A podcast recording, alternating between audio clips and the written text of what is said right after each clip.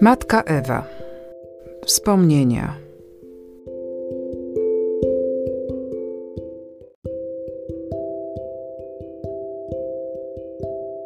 Każdy początek jest trudny. Tak więc dzieło moje ujrzało światło dzienne i otrzymało imię Ostoja Pokoju. Teraz powinno zacząć róść i rozwijać się podobnie jak dziecko, które przez wiele doświadczeń i trudności dochodzi do dojrzałego wieku.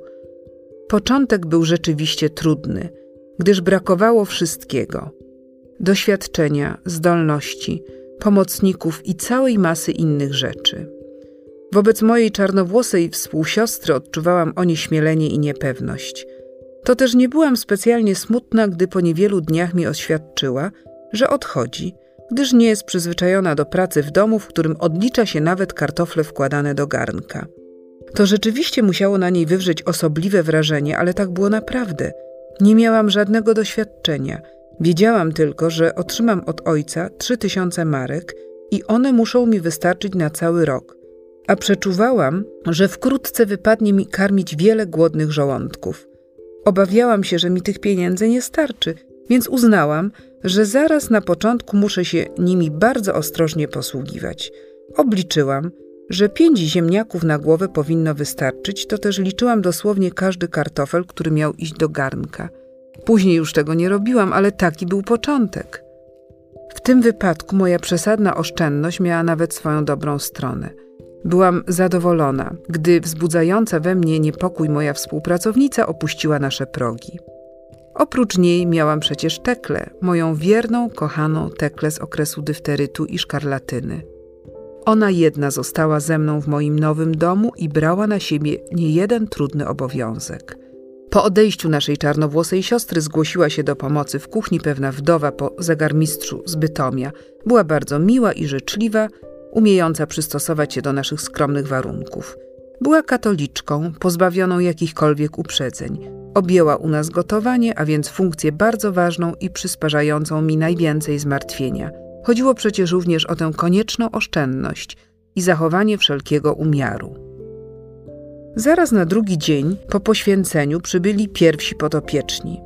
Jakieś małżeństwo, które było zmuszone udać się do więzienia w Bytomiu, przyniosło mi swoje dwa maleństwa – Klarcie i Maksia – Potem przyniesiono też chore na dyfteryt dziecko, które trzeba było natychmiast umieścić w izolatce, aby nie stykało się z innymi dziećmi.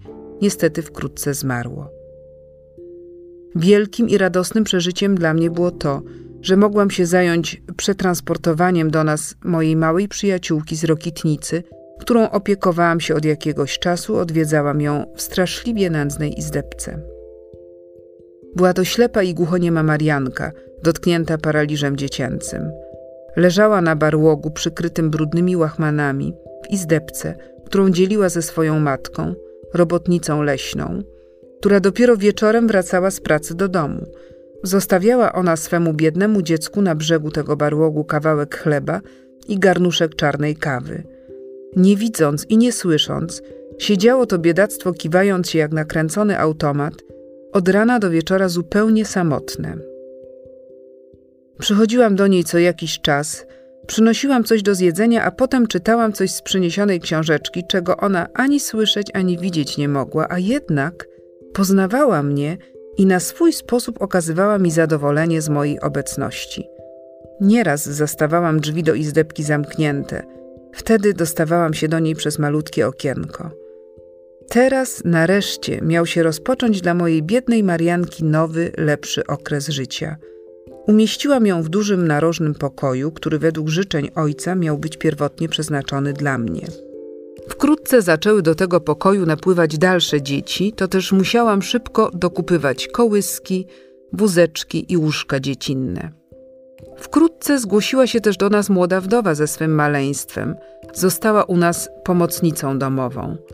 A potem pojawił się nowy problem – zaczęły zgłaszać się do nas matki z prośbą o przechowanie ich małych dzieci na kilka godzin dziennie, podczas gdy one pozostają w pracy.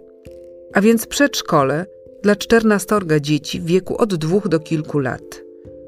Nie miałyśmy ani urządzeń, ani sprzętów odpowiednich do zorganizowania takiej placówki. Nie miałam też odpowiedniej osoby, której bym mogła powierzyć tego rodzaju obowiązek. Musiałaby to być osoba odpowiedzialna i posiadająca choćby jakie takie kwalifikacje. Musiałam więc we wszystko sama angażować się, a to zaczęło przerastać moje możliwości. Potem zjawiło się kilka pomocnic domowych, które w zamian za pomaganie w porządkach domowych chciały nabywać trochę choćby podstawowych wiadomości z zakresu prowadzenia gospodarstwa domowego i rodzinnego, a więc higieny, sprzątania, gotowania, ogrodnictwa. Niestety, z tych pomocy niewiele miałyśmy pożytku. Dziewczęta były jeszcze bardzo płoche, nie miały pojęcia o jakiejś karności, punktualności i dyscyplinie, a pobyt swój u nas traktowały raczej jako rozrywkę, a nie obowiązek. Trzeba je było mieć stale na oku, doglądać przy pracy, wdrażać w domowy porządek i wymagać karności. I to wszystko znowu przeważnie spadało na moje barki i było coraz trudniejsze do udźwignięcia. Tymczasem napływali nowi kandydaci na podopiecznych – Jedni przychodzili sami, nawet nie pytali specjalnie, czy jest dla nich miejsce, lokowali się gdzie popadło, w jakimś kącie przybudówki czy szopie i tak zostawali. Najważniejszą rzeczą dla nich było zdobycie jakiegokolwiek dachu nad głową i trochę ciepłej strawy. Byli to różni staruszkowie i babcie, przez własne dzieci pozbawione domu i wyrzucone na ulicę – Innym razem przywożono nam różne chore, opuszczone osoby, którymi nie miał się kto zająć, niektóre tak wyniszczone, że już nie miały szansy na przeżycie. Historia jednej z takich chorych była szczególnie wstrząsająca. Wezwano mnie do Rokitnicy. Zastałam tam samotną kobietę w strasznym barłogu, w stanie krańcowego wyczerpania fizycznego. Miała jedną córkę, która zeszła na złe drogi i opuściła ją. Pewnego razu staruszka upadła i już nie mogła się podnieść. Znaleziono ją w stanie skrajnego wyniszczenia. Posłano po mnie. Zastałam ją leżącą na podłodze w takiej pozycji, w jakiej upadła. Na kolanach miała dwie ogromne rany. Zabrałam ją do domu, a jej pielęgnacja należała do najcięższych, jakie znałam. Wymagała opieki w dzień i w nocy, co było niesłychanie wyczerpujące. Biedna ta kobieta poczuła się u nas, jakby została przeniesiona do nieba. Opowiedziała nam swoją tragiczną historię. Jej mąż był nałogowym pijakiem, a ona walczyła z jego nałogiem w ten sposób, że wypijała za niego wódkę. I sama wpadła w nałogowy alkoholizm i ściągnęła na siebie wszystkie skutki tego przeklętego nałogu. Zrujnowane było życie rodzinne, pojawiła się nędza i grzech. W końcu spotkało ją to, co najgorsze porzucenie przez własne dziecko, które za jej sprawą stoczyło się na manowce. Po jakimś czasie odwiedziła ją córka. Ani śladu żalu czy skruchy. Stała odrętwiała i obojętna nad łóżkiem swojej umierającej matki. Wtedy stara kobieta podniosła rękę, wskazała na nią wyciągniętym palcem i przekleła ją. Wszelkie próby nakłonienia jej do pojednania były daremne. Pośród ciężkich cierpień oczekiwała chora na swoją śmierć. Do nocnego czuwania poprosiłam jedną z sióstr katolickich, gdyż chora była katoliczką. Uklękłyśmy obok łóżka umierającej staruszki i zaczęłyśmy odmawiać Ojcze Nasz. Przy słowach i przebacz nam nasze winy, na twarzy chorej odbił się grymas nieopisanego lęku, rysy jej twarzy skurczyły się, oczy szeroko się otworzyły i łamiącym głosem krzyknęła – szatan. Modliłyśmy się dalej i przy słowach ale nas zbaw ode złego, bezwładne ciało staruszki osunęło się i przestała oddychać. Roboty było więc coraz więcej w domu i na zewnątrz. Trzeba było nadal chodzić do chorych we wsi, tak jak to dawniej robiłam. Byłam tam oczekiwana, gdyż z biegiem czasu ludzie przyzwyczaili się do moich odwiedzin. A w domu? W domu niemowlęta, dzieci w przedszkolu, staruszkowie, chorzy, dziewczęta wymagające nadzoru, przychodzący ludzie i proszący o jakiekolwiek wsparcie, ambulatoryjne opatrywanie chorych, prace gospodarskie, a do tego ciągle nowe sterty odzieży do naprawiania, szycia i łatania. Gdziekolwiek rzuciłam okiem, było coś do naprawienia i przypilnowania. Do tego dochodziły zakupy, sprawunki i załatwienie spraw najróżniejszych.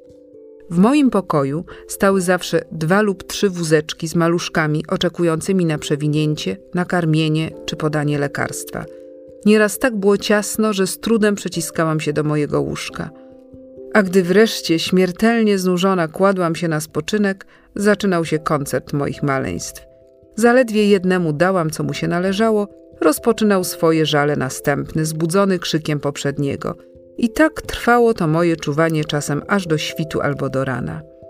Nieraz moje ciało krzyczało każdym nerwem o chwilę spoczynku, a osłabiony umysł zaczynał roić złe myśli o zwątpieniu i rozpaczy. Były to ciężkie chwile najróżniejszego gatunku, cielesne i duchowe. Ojciec mój zupełnie nie zdawał sobie sprawy, z jakimi trudnościami miałam do czynienia. Nie mówiłam o nich, nie skarżyłam się. Wiedziałam, że jest to moja własna droga, którą dobrowolnie obrałam, dlatego wszystkie jej ciężary należały wyłącznie do mnie. A ja, mimo całego tego zmęczenia, miałam chwilę nieopisanego szczęścia i za żadne skarby świata nie zgodziłabym się na zamianę z kimkolwiek. Kiedy boleść serce targa, niech w nim nie powstanie skarga. Te słowa pieśni Zinzendorfa, którą wybrałam na dzień poświęcenia naszego domu, towarzyszyły mi w ciężkich chwilach, które teraz dane było mi przeżywać.